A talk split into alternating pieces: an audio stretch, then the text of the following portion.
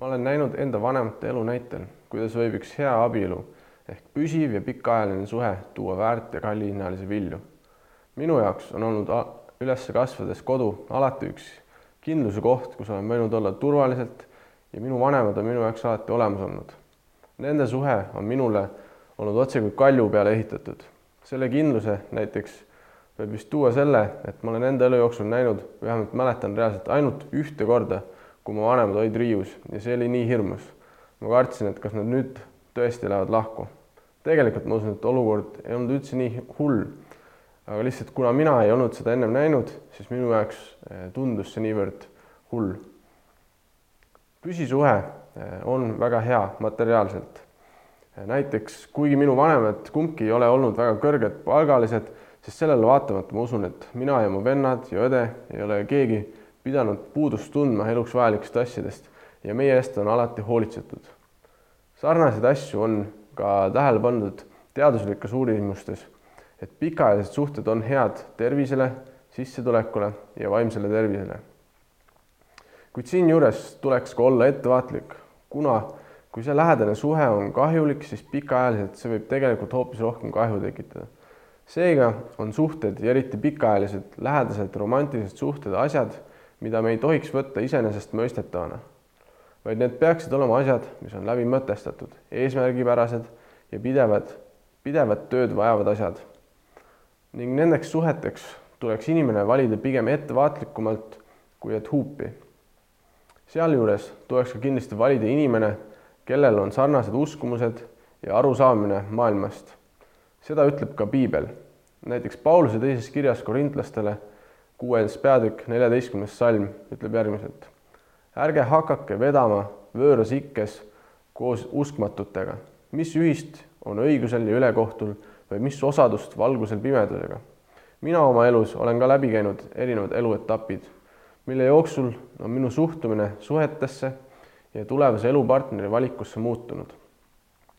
olles põhi- ja keskkooliastmes, olin vägagi pühendunud kristlane ja arvasin, et kui juba suhtesse minna, siis ikkagi eesmärgiga abielluda, kuna olin seda enda vanemate pealt niivõrd eeskujulikult näinud.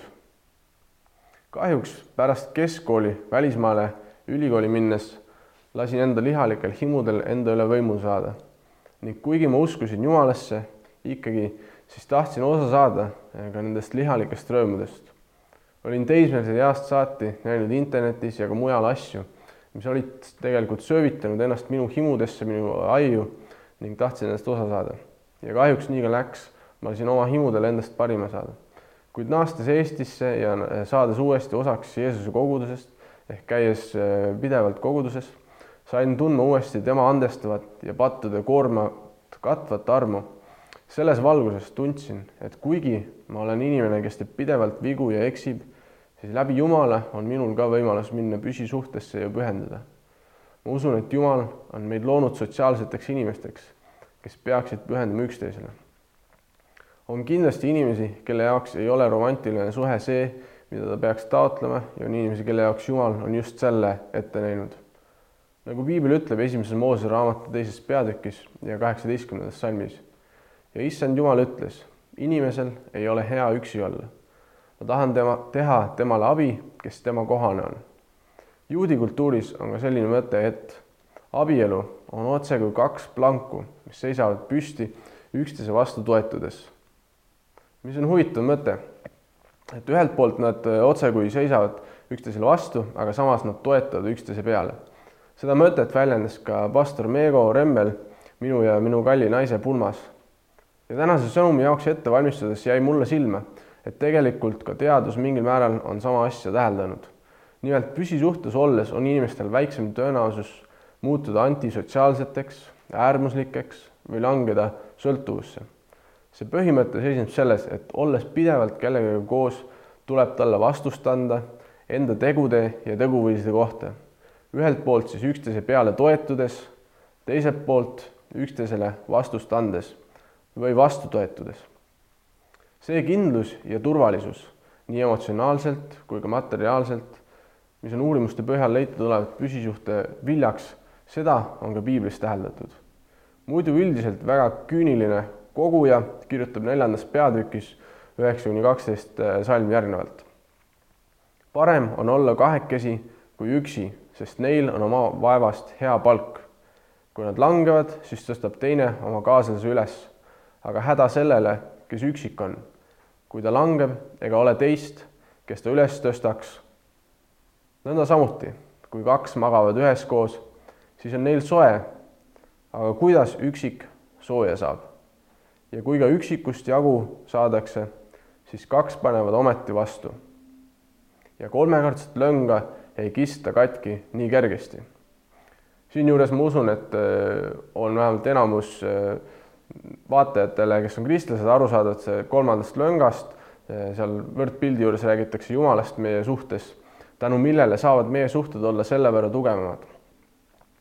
ja nagu näiteks minu enda suhtes Gretega olen tähele pannud, kuidas Grete on mind nii palju aidanud ja tagant utsitanud. lisaks on ta minu puhul ka esile toonud asju, kus ma kindlasti olen pidanud ennast muutma.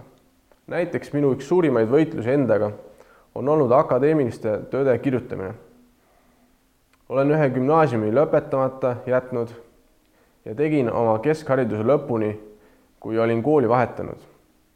sama juhtus ka minul ülikoolis, kui õppisin juuret ei suutnud seda erinevatel põhjustel lõpuni teha. kuid Gretega suhtes olles tundsin temapoolset tuge ja ka survet ning suutsin järgmisena käsil oleva kõrghariduse täies mahus omandada. see ei ole kindlasti kõik, kuid usun, et aitab hästi illustreerida potentsiaalseid püsisuhte plusse. eks me Gretega oleme abielus alles esimest aastat ja enamus hüvesid on veel ees. kuigi osade kutsumine on olla üksik töötegija Jumala kuningriigis ning nendel on sellisena isegi parem, siis paljud, kui mitte enamus meist, ma usun, on kutsutud olema pikaajalises püsisuhtes, mille märgiks Jumal on meile jätnud abieluliidu, mida õnneks tunnistavad ja aktsepteerivad ning isegi mingil määral propageerivad teatud maksusoodustustega enamus riike maailmas. kindlasti ei ole ma suutnud käesolevas mõttearetuses kõiki püsisuhet soodustavaid põhjuseid üles loetleda. olen näidanud ainult selle jäämäe veepealset osa. nagu ütleb Johannese viieteistkümnes peatükk ja kaheteistkümnes salm, minu käsk on see, armastage üksteist, nagu mina olen armastanud teid